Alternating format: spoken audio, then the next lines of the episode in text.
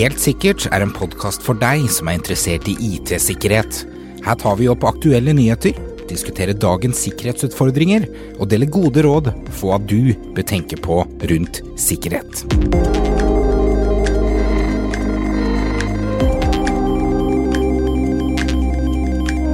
Velkommen til Helt sikkert. Mitt navn er Espen. Mitt navn er Alexander.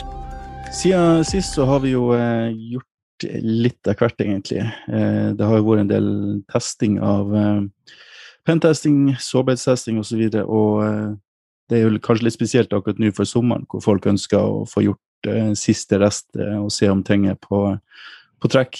Om ting skal være om de er som de skal være, om det kanskje er noen ting de burde gjøre før sommeren osv. Vi har også hatt noen caser hvor vi har vært litt digitale tida faktisk. Jobba med forensics. Det er jo noe som dukker opp av og til, at vi blir forespurt om. Og det går jo stort sett ut på å enten hente ut uh, tapt data eller kryptert data når det har vært ransom involvert. Det er jo ganske ofte det dessverre skjer. Og det er jo langt fra de tilfellene hvor man egentlig får hente ut den også det er stort sett eh, tapte caser. Men eh, er man heldig, så klarer man å grave ut det som faktisk, eh, faktisk er mulig å hente ut. Og forensics i seg selv er jo et uh, utrolig fascinerende område, eller fagfelt. da. Så vi skulle vel egentlig uh, kanskje tatt en episode rundt, altså kun rundt det. Det kan vi. Ellers så har det ikke vært noen store sikkerhetsincidenter eller ting um, ute i, i den store verden, men det er jo stort sett daglig at sikkerhetshull dukker opp i programmet eller operativsystemet. Og det er jo er litt sånn uh, vanskelig jobb med å være i forkant med det, men så fort uh, ting er altså patcher og sårbarhet er tilgjengelig, så anbefaler vi jo på det sterkeste å få det rulla ut, oppdatert, så fort som mulig. Ja, det har jo blitt så mye ransomware i det siste at det har nesten blitt normalt å høre om det daglig, så man føler kanskje ikke det er noen at det blir mye når det skjer. Nei, og det er jo innen sårbarheter de kommer seg inn, stort sett. Om det er via tjenester som, er, som ligger ute på nettet og, og, er sårbare, og kan de klarer å komme seg inn den veien, eller personer som er uheldige og har utdaterte systemer og kan, kan bli kompromittert på en måte. Så det skjer jo om ikke ukentlig, så er det i hvert fall noen caser i måneden vi, vi omhandler det. Så det, om man ikke har gjort det, så så bør man jo også ta en, en, og legge inn sin egen, eller de fleste i bedriften, inn på Have I been pwned? Uh, for der vil du jo få en varsel så fort din e-post eller din bedrifts e-post er blitt brukt i noe, noe datalekkasje osv., som ofte kan skje når, når store firmaer eller, eller, tjenester har blitt kompromittert og, og databasen har blitt tatt over eller lekka på mørkenettet. Mm. Har du bedriften kontroll på DNS-en og sånne ting, så kan det settes opp med en teknisk konto som får varsel om alle i domenet sitt, så Ja, riktig. Gjør det litt lettere. Det gjør det litt lettere for, for, de som er ansvarlige og teknisk. Nei, ikke sant. Det er jo godt gjort å få de ansatte til å legge sin egen e-post inn og følge med på den. Det blir fort glemt i så tilfelle. Så er du IT-ansvarlig eller har eh, har kontroll på den biten i, i bedriften, så, så, er det absolutt anbefalt. Da får du en heads up, i hvert fall, hvis, eh, hvis det har vært noen brukere eller noen som har vært involvert i, i datalekkasje. i hvert fall. Eh, men vi tenkte jo sånn, altså, det er jo like før det er sommerferie, så er det jo eh, greit å ta en runde rundt både på, på huset og på IT-løsninger for å sikre at ikke alt går ned så fort du stikker av gårde osv. Så, videre. så eh, denne podkasten blir jo handle om eh, hva du burde gjøre både i forkant, men eh, også kanskje når ting slår som verst, skulle du si, og hva du burde tenke på å, å gjøre, rutiner osv. Eh, for det er jo sånn at alle må ha ferie, og IT-avdeling og, sikkerhetsansvarlig må jo også ta ferie iblant. Eh, men om systemene skulle gå ned, eller om du er så heldig at du blir angrepet, så hva bør man gjøre proaktivt, og ikke minst hva er de rette grepene å, å ta hvis man først er under angrep. Mm. I hvert fall de siste åra så har vel ikke jeg kunnet hatt en uh, vanlig ferie. Det pleier å skje Nei. alltid noen ting i ferien, uh, i hvert fall i fellesferien. Det er nesten på klokkeslettet. Ja, og det er jo sånn at de som angriper, de vet veldig godt når folk tar ferie, så da tar de benytter sjansen på å komme seg inn og grave seg inn i firmaet og se på alle ting de har for å utnytte og hente ut data. og kan da gå stille rundt i bedriftene uten at det blir lett oppdaga. Så vi får ofte masse saker fra kunder eh, og potensielt ikke-kunder da, som eh, oppdager at de enten har fått ransomware eller de har litt mistenkelige aktiviteter i bedriften som Ja, og det skulle du si de, de, de kundene som vi har en avtale med, det, det er jo ganske greit for oss som har rutiner på, på plass og kan gå rett inn og, og, og hjelpe dem, men de stakkars eh, bedriftene som ikke har en, en, en, plan på plass, eller har si, faste kontaktpunkter for å, å hjelpe dem, så er det jo ganske kaos å komme inn og, og skal, skal, bidra med. Ja, ofte så har ikke de bedriftene full oversikt over hvordan alle løsningene er satt opp sjøl heller, så kanskje de som er på jobb og de som tar kontakt, de er kanskje litt ledelser og sånne ting, så sitter de der og ikke vet noen ting om hvordan det tekniske miljøet sitt har vært. Da. Men de trenger bistand og hjelp til å komme opp igjen og, og sånne ting. Ja, alle systemene er kryptert. Hva gjør vi nå? Eh, hvem ringer vi? Og så videre. Og det er jo eh, skulle si, Kontroll er jo litt av poenget. altså Før man eh, tar ferie, eller før man eh, eh, slår, slår, eh, slår av bryteren, skulle du si, så bør man ha kontroll over ulike ting. Og det, det, er jo sånn at i, i, løpet av et år så kan det være at du gir enkelte brukere eller grupper ekstra aksess eller admin-rettigheter fordi de må inn og gjøre et eller annet, eller fordi de trenger å få installert noe, eller fordi ja, eh, ulike årsaker. Det, det, kan være at man glemmer å sette tilbake. Og har man ikke gjort det, og man da stikker av gårde på ferie skulle du si, med fulle rettigheter rett inn i bedriften, så, så er det noe risiko man røper på, rett og slett. Ja, altså de brukerne som har full tilgang eller mye tilganger, da, altså, du vet aldri om de brukerne allerede har blitt uh, fisha eller kompromittert. Eh, det er jo flere av de databasene som f.eks. kommer, kommer på Bond eller The Dark Web. Da, som som, sånn som nå i det siste så har det vært en stor lekkasje på, på The Dark Web med en stor mengde brukerne passord, men den er da uh, opptil to år gammel, sånn at, og den har ikke vært kjent før nå at de har fått tak i data. Så mye av de brukerne og kontoene som brukerne dine har i dag, kan allerede ha vært eh, fisha og kompromittert, men de er ikke blitt tatt i bruk. Ja, sånn. De bare ligger og tar vare på det? Ja, de bare ligger og venter på at ok, nå er det ferie, og brukeren eh, er sikkert ikke aktiv, så da, da, logger vi inn, og så ser vi hva vi får tilganger til. ikke sant? Så, mm. Så er det jo sånn at um, mange benytter uh, kanskje andres PC-er eller andres nett og andre ting når de er på ferie, som gjør at de da blir lettere for de å, å kunne uh, fishe eller uh, hente ut uh, påloggingsdata og sånne ting. Ja, absolutt. Og det, og det er jo akkurat det som er litt av poenget. Altså når du er ute av, av huset eller, eller, ute og reiser osv., så, videre, så så kan du bruke andre løsninger og, bruke, og, og logge inn med, med, brukeren din som kanskje har litt for mye rettigheter som man skal ha. og det er det fryktelig fristende for, eh, for, andre å ta den kontoen og, og, bryte seg inn mm. eller, eller aksessere uten og i hvert fall når man er litt på, på reise, så, så, har man kanskje en laptop eller en, en mobil man vanligvis bruker, og så er man litt her og der der man ikke pleier å være til vanlig. Så er det alle de netta som laptopen din og PC-en din har vært kobla til, vil den devicen alltid spørre om. Sånn at okay. hvis du reiser på ferie til et hotell i Spania da, for eksempel, og, og noen på det hotellet sitter og lytter på hva slags nett din telefon spør etter, mm. så kan de bare lytte, og så ser de at ok, det her er et åpent nett den spør etter, som f.eks. McDonald's uh, du har vært på en gang, så kobler du på det gratisnettet deres, så kan de sette opp et nett som heter McDonald's, fordi det, det de ser at det er din telefon eller laptop spør etter det. da. Og så kan du da, vil din maskin da automatisk koble seg på det nettet. Og sånn kan de da sitte og være mellommiddel og lytte på trafikken din, ikke sant.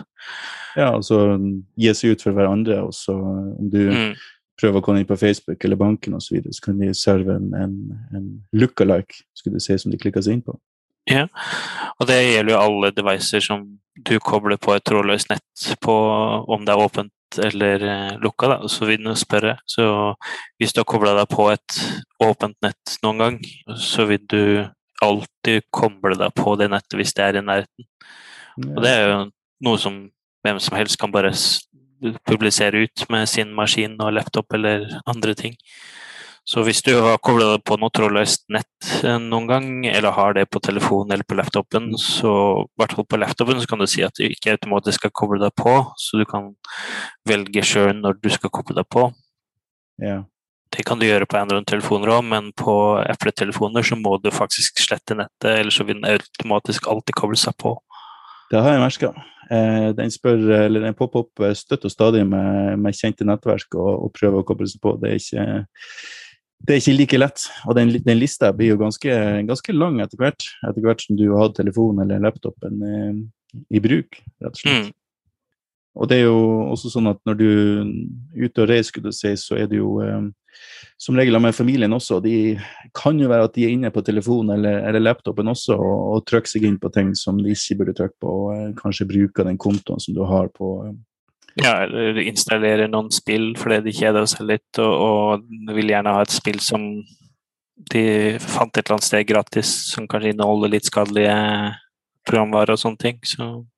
Ikke sant. Ikke sant jeg tror, jeg tror, vi er innom det her nesten i hver eneste podkast, men e-post er jo et uh, tilbakevendende uh, onde, skulle du si. Men det er, det er ikke uten grunn. Nesten alle angrep og, og inntrengningsforsøk og, og sårbarheter, skulle du si, kommer nesten via e-post. om det er via phishing, altså vedlegg som folk trykker på som er skadelig, eller dårlig kontosikkerhet på, på passord eller tofaktoren, så så er det rett og slett en, en, en enorm risiko. I høytid og mm. ferie er du spesielt utsatt. Ja, altså, mange av hackerne har jo skjønt at det nesten er enklere å komme seg inn på systemet og ta en phishing-angrep og hente ut riktig brukernavn-passord, enn å faktisk finne en sårbarhet og hacke de. Det en går nesten fortere å bare prøve å fishe de eller lure de til å gjøre en eller annen ting, enten om det er å starte en, eh, en programvare på PC-en eller bare skrive inn brukernavn og passord og sånne ting. Ja, det, det, er jo som du sier også, altså hvis de, de, eh, de, databasene som ligger på nett, på, på det mørke nettet osv. allerede har brukerne og passordet, så er det jo en enda lettere vei å komme inn. Mm. Og ha det liggende. Så veldig mye av de angripene vi ser i dag, som gjør f.eks. Eh, eh, ransomware-angrep og sånne ting, kommer ikke inn fordi det finner en sårbarhet som regel. Det er nok ofte en, en allerede kjent brukernavn passord de har kommet seg inn med mellom en eller annen VPN-løsning eller remote løsning eller et eller annet sånt, som, som, de da faktisk kommer inn og kan gjøre angrepet uten at det er noen e, egentlig det vi kaller hacking involvert. Angrep, altså. ja. mm.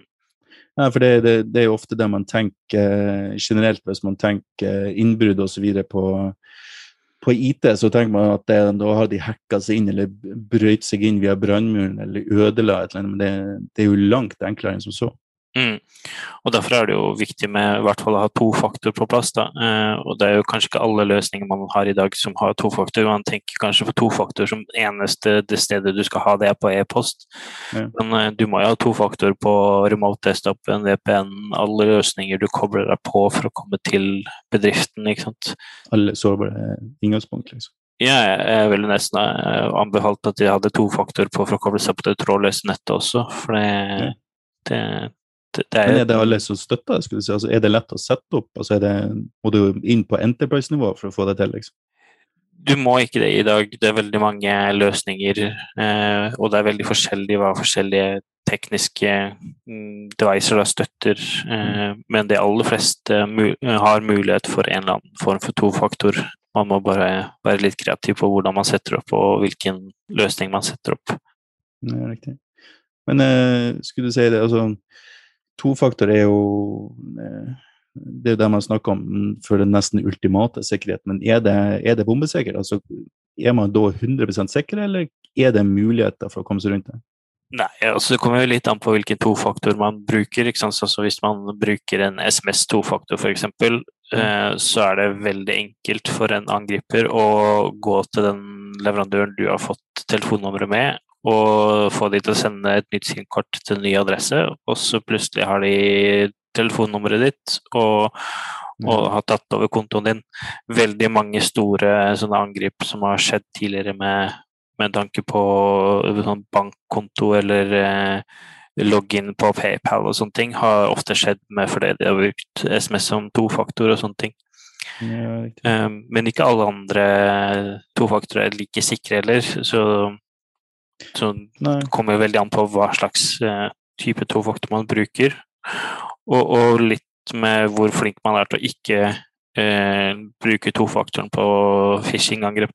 Det finnes phishing-angrep som får deg til å logge på med brukeren passord og tofaktoren din, og faktisk klarer å hente ut det vi kaller da, eh, nøkkelen for å kommunisere med den tjenesten. Så de den tofaktor, altså får de da tilgang til å bruke Eh, skulle ja. si to fagene på nytt, eller er det kun den ene gangen de det, det, blir den ene gangen, så de henter ja. det som er eh, token. Da. Altså token mellom um, du som bruker og, og websiden. Da. Så når mm. tokena går ut, så vil de ikke komme inn igjen, men uh, da har de allerede som regel vært inne og, og kanskje satt en regelsett på kontoen din mm, der de videre sender e-post og sånne ting allerede. ikke sant? Så ja, og det, det fins jo uh, løsninger eller, eller uh, login-side skulle du se hvor man kan sette at eh, man ber ikke om ny tofaktor før det har gått ei uke eller noe sånt. Så da, mm. da, da vil vel si at da kan de potensielt være inne med ei uke med den tokenen. Potensielt. Så derfor er det viktig at eh, man har kanskje en, en grei audit på, på, de tjenestene man har som kritiske, og, og at det er, er, noen som følger med på det. Sånn at uh, hvis det da plutselig blir logga inn til Office 365-kontoen din fra et Eh, land eller en IP-adresse som er kjent eh, som usikker, eh, og, og, sånne ting, så kan man få et varsel. Mm. Så eh, ATP-løsningen til Microsoft f.eks. vil, vil varsla på sånne ting hvis det er kjente angrip, eller kjente mm. IP-adresser for sånne angrip og sånne ting som håper seg på. En, en, hvis man um, skulle du si har mista passordet, eller noen har fått tak i passordet, og du har to faktorer på, eh, er det risikofritt, eller bør man også tenke på at eh, greit, vi har to faktorer på, men vi endrer passordet likevel? Eh, med tanke på at de aller fleste har ikke to faktorer på absolutt alt, så man har jo samme brukerne passord på kanskje på remote-desktopen og på e-posten, og så har man kanskje to faktorer bare på e-posten.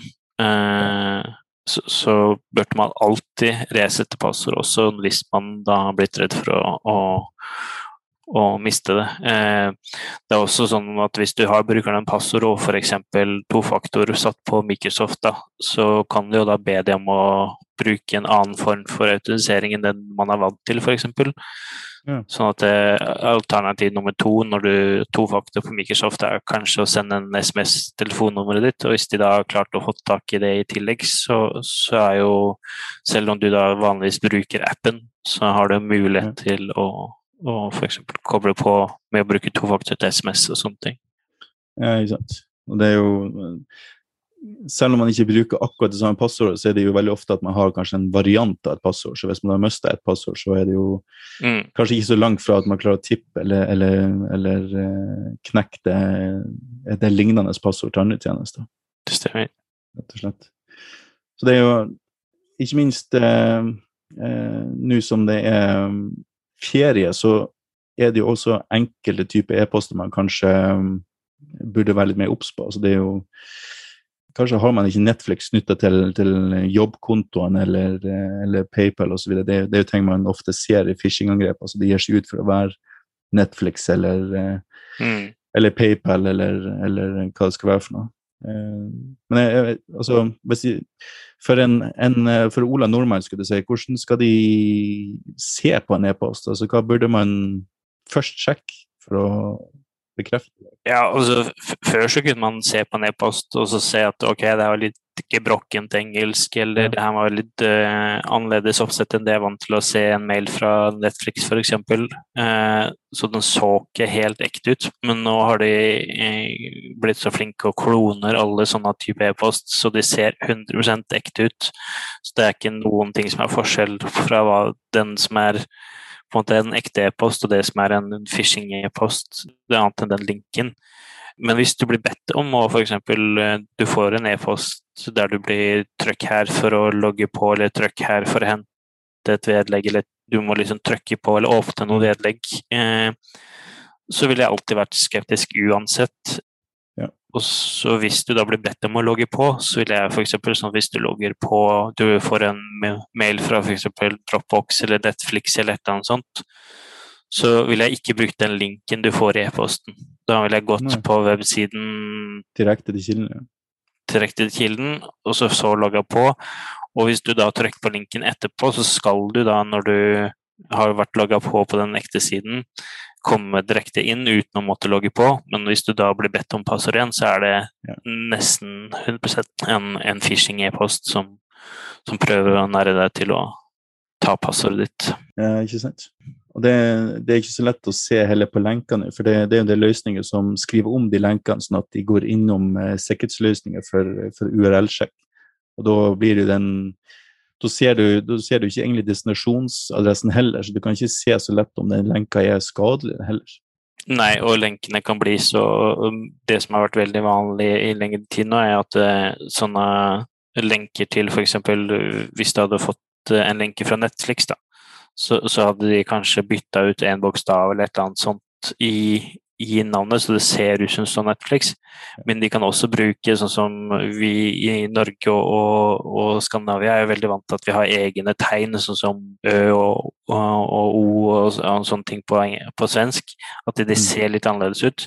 Men du har akkurat de samme tegnene til andre språk som ser helt ut som en, kanskje en P, eh, men den er et litt annerledes tegn, så den ser 100 likt ut, men eh, det er et annet symbol. Så den, den, linken du trykker på, ser jo helt riktig ut, men den, den peker da til en helt annen webside enn den du egentlig mente å gå til. da. Ja, ikke sant. Ikke sant. Og så er det jo Du er jo tross alt på ferie, skal du si. Eh, må man absolutt sjekke e-posten sin? Altså kan man ikke eh, la være, skulle du si, eller eh, i, i, verste fall eh, eh, tenke litt på hvordan du sjekker e-posten. For det, når du kobler det til diverse nettverk på, på, ferien, så er det ikke alt som er like trygt. Og, og går du da inn på, på e-posten, så kan du potensielt gi fra deg eh, brukernavn og passordet via, via, det nettverket du, du kobler det til på. Så jeg vet ikke hva den det beste måten å, å, å sånn Best practice for å, for å, for å sjekke e-posten på ferie. Ja, altså Uansett når du kobler på et nett du ikke kjenner til eller ikke eier sjøl, så burde du uh, absolutt bruke en VPN-løsning, sånn at den den som eier eller har tilgang eller er på det nettet du kobler deg til, ikke har mulig å lese trafikken din. Hvis jeg er på et samme trådløst nett som deg, uansett om det er en kryptonøkkel eller et eller annet sånt på det, så uten at det er satt 100% riktig sikkerhet på det nettet, så kan jeg late som jeg er ruteren og, og være med eller middel, da, selv om vi du har kobla deg på noe som da du tenker er sikkert nett, men ja. eh, det er alltid en mulighet for at enten en eller den som eier nettet, har mulighet til å være medmiddel på, på et nett du ikke kjenner til. Da. Ja, du, du vet jo strengt tatt ikke heller. Altså, det kan jo være et legitimt hotellnettverk som bruker eh, siste si, VPA-sikkerheten og, og, ser eh, eh, sikkert og fint ut, men eh, du mm. vet jo aldri med sikkerhet om det er noen som sitter inne der og, og lytter. Nei, altså det, det, kan være enten noen som har satt noen ting på det nettet på hotellet, eller så kan det være en av gjestene som har kobla på det samme nettet som du har kobla på, som sier at jeg er ruteren og jeg og firewallen, så jeg vil ha all trafikken din, før den da sender det videre. Hmm. Ja, hvis du da kobler til eh, hvis du da kobler til nettverket og så fyrer opp en sikker VPN til hjemmekontoret? Det er i hvert fall den trafikken mellom deg og den VPN-en kryptert, så selv om det er noen da som sitter og lytter og følger med på trafikken din imens, så ser de bare kryptert data, ikke noen, noen uh, legitim ting. Og det, de får ikke da, på en måte gjort poison-trafikk og sånne ting som man mm. ofte gjør med at man lager en fake uh, webside en fake DNS og sånne ting. Så uh, du, man burde alltid ha en VPN tilgjengelig når man da kobler seg på et nett du ikke eier eller har god kjennskap til. Det, det, kan man jo sette opp både på telefoner og, og laptop og nettbrett osv. Så, eh, så mm. hvis bedriftene har en, en brannmur eller en VPN-løsning som de kan gjøre der på, så, så, vil de jo fjerne en god del av risikoen med mm.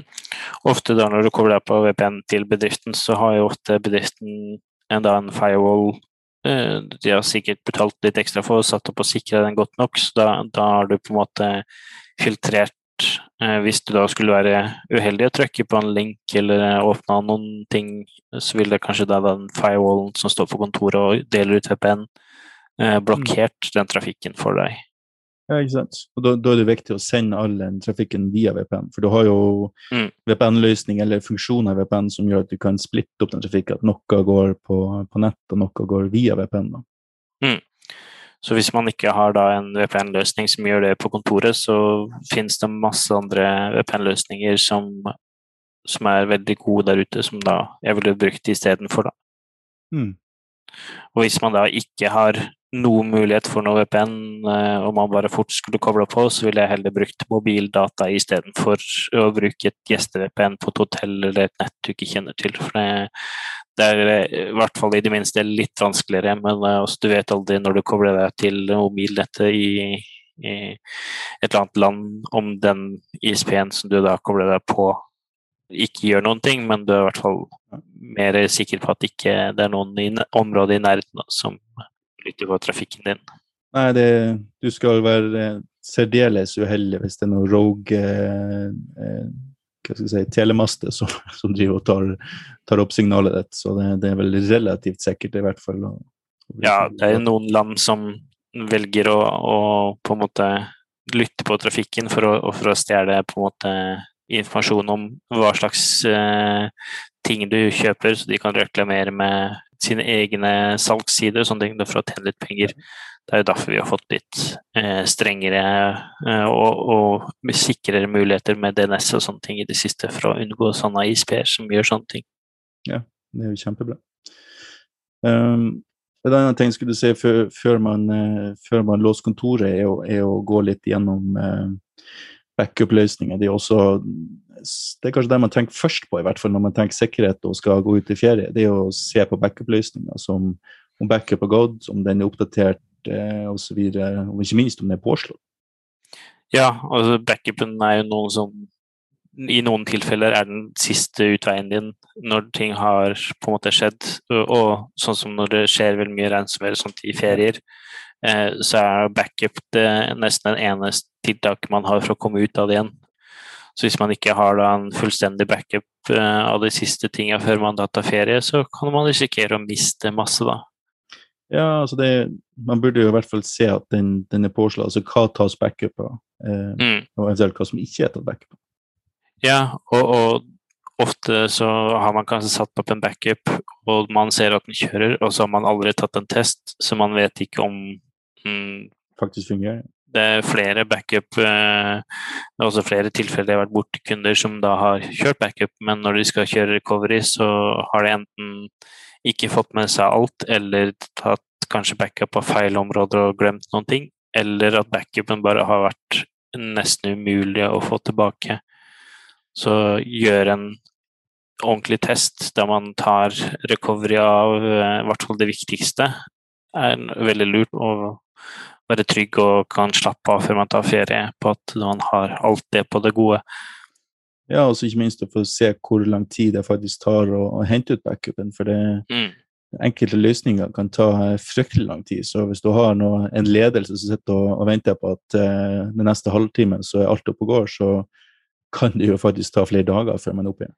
Å oh, ja. Eh, vi har nok kunder som eh, har så mye data at hvis, hvis, de må hente tilbake alt fra backup, så, så, tar det ikke bare dager, det tar uker og måneder eh, før allting er tilbake igjen. Så med Det er ganske ille, altså, hvis du har kritisk eh, materiale skulle du si, som du jobber med, som du må ha tilbake. Ja, så skal du kjøre recovery på noen noen gode terra og sånne ting, og få det fra cloud-løsninger i dag, så kan det ta veldig lang tid, f.eks. Eh, eller at mm. man da må gjenopprette og sette opp servere og sånne ting. Så det kan ta, det kan ta ganske lang tid. Ja. Så i hvert fall en gang i året gått gjennom backup-rutinene og, og, og, hvor lang tid det tar å kanskje ta Lage noen scenarioer med hva hvis vi fikk ransomware og alt må tas tilbake igjen fra backup. Uh, teste og vite hvor lang tid det tar, uh, så at man kan ha det som uh, en, en, forklaring til ledelsen at det, nå har vi den og den risikoen, og det, det vil ta så og så lang tid for å komme tilbake igjen til det normale. Jeg skulle til å si det, det er kanskje derfor de også eh, sjelden blir, blir testa, at det tar så lang tid at man orker ikke, eller setter ikke av tid til å gjøre noe test gjenoppretting, rett og slett. Mm. Og ikke minst hvis, du, hvis først uhellet er ute, eller hvis, um, hvis brukerne uh, får et eller annet infisert, eller hvis de har noen problemer med utstyret, eller hvis de trenger å gjøre noe uh, i forhold til, til jobben, så ha tydelige kontaktpunkter og og roller i bedriften som du, som du har både du sjøl og, og, de ansatte har en oversikt over. Så hvis noe skulle skje, så er det ganske enkelt å finne fram til rette person. Altså hvem er det som faktisk er på jobb nå? Eh, hvilke roller har de, osv. Så, videre. så det, det ikke blir et, eh, et evig pingpongspill fram og tilbake for å finne rett person de skal snakke med. Mm. Og det er jo ofte kanskje de som oppdager det, er noen som er mindre teknisk, eh, og hvis de da ikke har en klar forklaring på hva de skal gjøre når de oppdager ting, så kan det hende at eh, ting går så langt at man hvis, hvis, noen hadde vært eh, på tråden helt i starten, at man kunne ha stoppa det tidligere, men fordi at man da ikke hadde en klar linje for hvem de skulle ha kontakt med, og hvor, hvor, hvor, fort de skal gjøre det og sånne ting, så, så er det ofte at man kanskje oppdager og får beskjed veldig mye seinere enn det som hadde vært optimalt. da. Ja, det er, det er viktig å være effektiv i sånne tilfeller, så man får eh, gjort det man skal gjøre, og får hindra altfor store, mm. eh, store utbrudd osv. Og, og ikke minst eh, sjekke at eh, interne systemer eller skyløsninger, servere og arbeidsstasjoner er oppdatert med siste software, oppdateringer på plass osv., sånn at når de faktisk tar ferie eller slår av, slår av PC-en eller tar den med seg videre på ferien, så jeg har den faktisk siste fiksa på plass. Den har siste config og konfigurert til å holde seg oppdatert når det faktisk er ute på, på reise òg. Mm. Vi så jo de oppdateringene som nå kom forrige måned, så er det litt over 120 oppdateringer. Og av de så er det kanskje 50 av de som var kjent for allmennheten, og så er det ti av de som allerede er blitt brukt. Eh, sånn at det er hacker som allerede bruker ti av de sårbarhetene som ble tetta igjen forrige måned, ute og hacker og, og, får tilgang til det i dag. Så det å patche ting med en gang det kommer en patch, er mer og mer viktig. For det er eh, Man patcher ikke potensielt eh, svakhet, man patcher en, en, en svakhet som allerede er i bruk som allerede blir utnytta, rett og slett. Ja. Så det er å ha gode rutiner på det, ikke minst løsninger som kan gjøre det eh, automatisk eller så fort som mulig, både på, eh, på operativsystemet, men også tredjeparts verktøy som du, eller software som du har installert på maskinen. Det er jo mm. Eh, fort der det, de fleste sårbarhetene er, faktisk. Ja, altså bare Adobe hadde jo nesten 50 oppdateringer eh, sist, de også, så det, det er jo blir like mange sårbarheter i treparts eh, programvare som for eh, operativsystemet. Nå begynner flere og flere av de å levere oppdateringene og patchene samtidig som Microsoft gjør. Om det blir en bedre eller en dårligere situasjon der man patcher alt på samme dag, ja. det men, uh, Det spørs om det er noen som kvier seg litt og tar litt store ressurser og så videre for å gjøre alt på en, en sleng. Mm. Men uh, ja, vi får se. Uh, vi har jo også masa litt tidligere om MDM-løsninger, eh, men det er, jo, eh, det er jo ikke uten grunn, det heller. Altså, det er jo Spesielt nå når folk ikke nødvendigvis er på kontoret, de jobber hjemmefra. Eh, de har en del utstyr liggende rundt omkring. og eh, Nå når de skal ut og reise potensielt, så, så har de jo fryktelig masse sensitiv informasjon, eller jobbinformasjon, på telefonen. Altså På en e-post så, så, kan du fort ha masse vedlegg som kanskje er sensitive. Du bruker noen passord, du har Ja, du, du, gjør jo mer og mer på telefonen for tida. Mm. Eh, og har du ikke en viss kontroll over det, eller har muligheten til å til å bistå eh, hvis en, en, bruker har mista telefonen eller fått stjålet telefonen, så er det ganske stor risiko for at det, det kan bli utnytta på et eller annet vis. Ja, og flere og flere av de MDM-løsningene har jo også sånn at hvis det, telefonen er i et område som ikke er sikkert, så vil den velge å slette ting sjøl. For flere og flere av de måte, devicene man mister, eh, selv om man har en MDM-løsning eller whatever, så kommer de aldri på nett igjen. Men eh, hvis da du kan være sikker på at MDM-løsninga di sletter data hvis de ikke har vært kobla til eh, etter et par dager eller et eller annet sånt, så, så vet man at den dataen eh, er sikrere, da, i hvert fall. Ja, det er masse muligheter du kan gjøre. Du kan jo også tvinge brukerne til å holde den oppdatert, eh, eller til mm. å fjerne rettigheter. Altså hvis de, hvis de mister telefonen, eller hvis de gjør noe som kompromitterer telefonen, så ruter telefonen osv. Så. Ja. Eh, så kan du sette opp regler på den, fjerne alt eh, bedriftsmessig. Mm. Så MDM-løsninga passer på at alle telefoner er krypterte, og, og at ikke de installerer eh, skadelig programvare på det.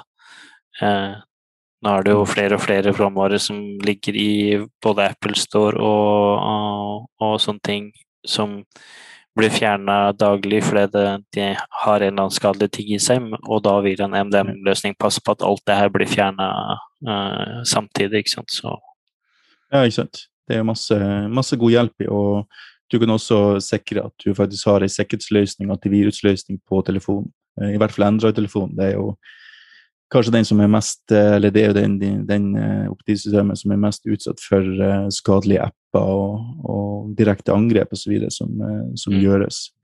Og det er jo Altså, du, du bruker telefonen til å surfe innom uh, nettsider osv., og, så og det er jo ofte der det ligger skadelige ting, skadelige koder osv. som kan bli, kan bli utnytta på, på noe vis. Ja, det er flere og flere av de sårbarhetene vi ser for tiden er sårbarheter i enten browseren eller i, i, i, ting man da har eh, som man kan få via weben. Så det gjør at eh, for å lage et veldig godt angrep, så trenger du ikke å, å få noen til å installere eller en åpnet vedlegg eller et eller annet lenger. Man kan bruke sårbarheter i telefonen eller i webleseren på maskiner. Så. Ja. ja, absolutt. Så er kanskje et, et, tema som kanskje ikke er så aktuelt under eh, korona og, og så videre, men eh, vi reiser jo Vi begynner i hvert fall å reise litt mer og mer. Eh, og det har jo åpna seg litt mot utlandet osv. Så, videre. så det å ha en, en, oversikt over hvor de ansatte skal, faktisk, både i forhold til at eh, det kan være enkelte land som ikke tar personvern eller sikkerhet like mye på alvor som oss og som eh, Vi var jo litt inne på det tidligere at du kan avlytte eller hente ut litt informasjon på den trafikken som du, som du eh, gjør på telefonen eller, eller laptopen osv. Så videre, sånn at de er klar over det. Men ikke minst at du også har en oversikt over eh, Hvis ting skulle skje i utlandet, så, så, vet du hva som er det best practice for å, for å bistå da, i sånne situasjoner. Ja, og det hjelper jo veldig til for de som kanskje er tekniske og, og følger litt med på loggen og vite at ok, nå, nå nå var det plutselig noen som logga på fra det og det landet. At man da Ok, eh, det var fordi at han reiste på ferie dit. Det var ikke noen hackere som var der nede, ikke sant. Ne. Og så er det jo ofte det at det har vært flere tilfeller der eh, noen land da, forlanger enten at du skal åpne opp telefonen eller, eh, eller gi tilgang til laptoper, sånn at de kan gå inn og installere ting på dem for at det skal være Så Kina har jo vært kjent for at det Ja, eller USA for den saks skyld. Det, ja. de, de, vil gjerne ha tilgang til alt utstyr du kommer inn i landet. Ja, så man burde aldri gi fra seg en, eh, en, en device eh, og gi de tilgang. Så i hvert fall pass på at alt av laptoper og telefoner man tar med seg på reise, er kryptert. Eh, det er det viktigste. Hvis man da mister de, så har man en større trygghet på at ikke det er lett å få det ut av deg, i hvert fall. Ja, eh, så moderne telefoner er jo ofte kryptert, men eh, har man litt, kanskje litt eldre telefon, så må man slå det på. Og laptoper er ikke automatisk kryptert hvis ikke du har en løsning for det, som f.eks. en MDM eller en, en policy fra arbeidsplassen på den. Ja, ikke sant. Og nå er jeg litt inne på, på det å ta kontakt osv. Altså, sikker kommunikasjon begynner å bli faktisk ganske relevant og, og viktig. Det, det, avlyttes jo og plukkes opp si, informasjon over lav sko av både tredjepartsleverandører, eh, ulike myndigheter og, og kriminelle. Eh, vi benytter jo selv internt eh, signal for, eh, for kryptert kommunikasjon over telefon. Altså hvis ting skal skje, eller du har en, en sensitiv informasjon du ønsker å kommunisere med dine ansatte eller en kollega, så er ikke vanlig SMS eh, nødvendigvis det sikreste mediet å sende. Eller e vanlig e-post, for så vidt. Nei, og så, som nevnt tidligere, har noen fisha e passordet og brukernavnet ditt, så har de kanskje tatt kontroll over e-posten din. Uh, har de tatt uh, telefonnummeret ditt, så har de lett tilgang til SMS-ene og sånne ting. Ja. De kan sende og motta. Eh, også hvis du da har på en måte en, en f.eks. Slack eller andre ting man kommuniserer på. Mm. Noen har kanskje fått fisha og henta et passord på den måten, så, så, er ikke det heller en sikker kommunikasjon. Så ha noe som er en, en, kommunikasjonskanal som er kryptert fra ende til ende, det betyr at det, den som sender, eh, har delt en krypteringsnøkkel uten at den har delt med leverandøren, sånn som, eh, sånn som Facebook. De har en, en, en meldingstjeneste. Eh, og meldingen fra deg til Facebook, og så fra Facebook til den du sender meldingen til, er kryptert i alle de veiene, men da kan fortsatt Facebook lese meldingen din. Ja, det er jo kjekt. Men, ja, og hvis du da har brukernavn og passord inn til kontoen din på Facebook, så kan jo den som da har det brukernavn og passordet, hente ut meldingen også. Så derfor er det viktig å ha en, eh, en sånn som Signal, da, som krypterer fra ende til ende, sånn at eh, det er ingen på vei i leddet da, som kan hente ut uh, meldingen. Og hvis det er tilfeldigvis noen da som kanskje da uh, har tilgang til brukeren av passord, eller henter ut uh, SIM-kortet og, og, og, får tilgang til å lage en ny konto på Signal, så får alle brukerne som da kommuniserer, varsel om at nå er det noen som har fått en ny krypteringsnøkkel. Og da kan man da verifisere på andre kanaler da, om, om har du da fått ny telefon, eller hvorfor har du ny, ny krypteringsnøkkel, ikke sant. Så. Ja.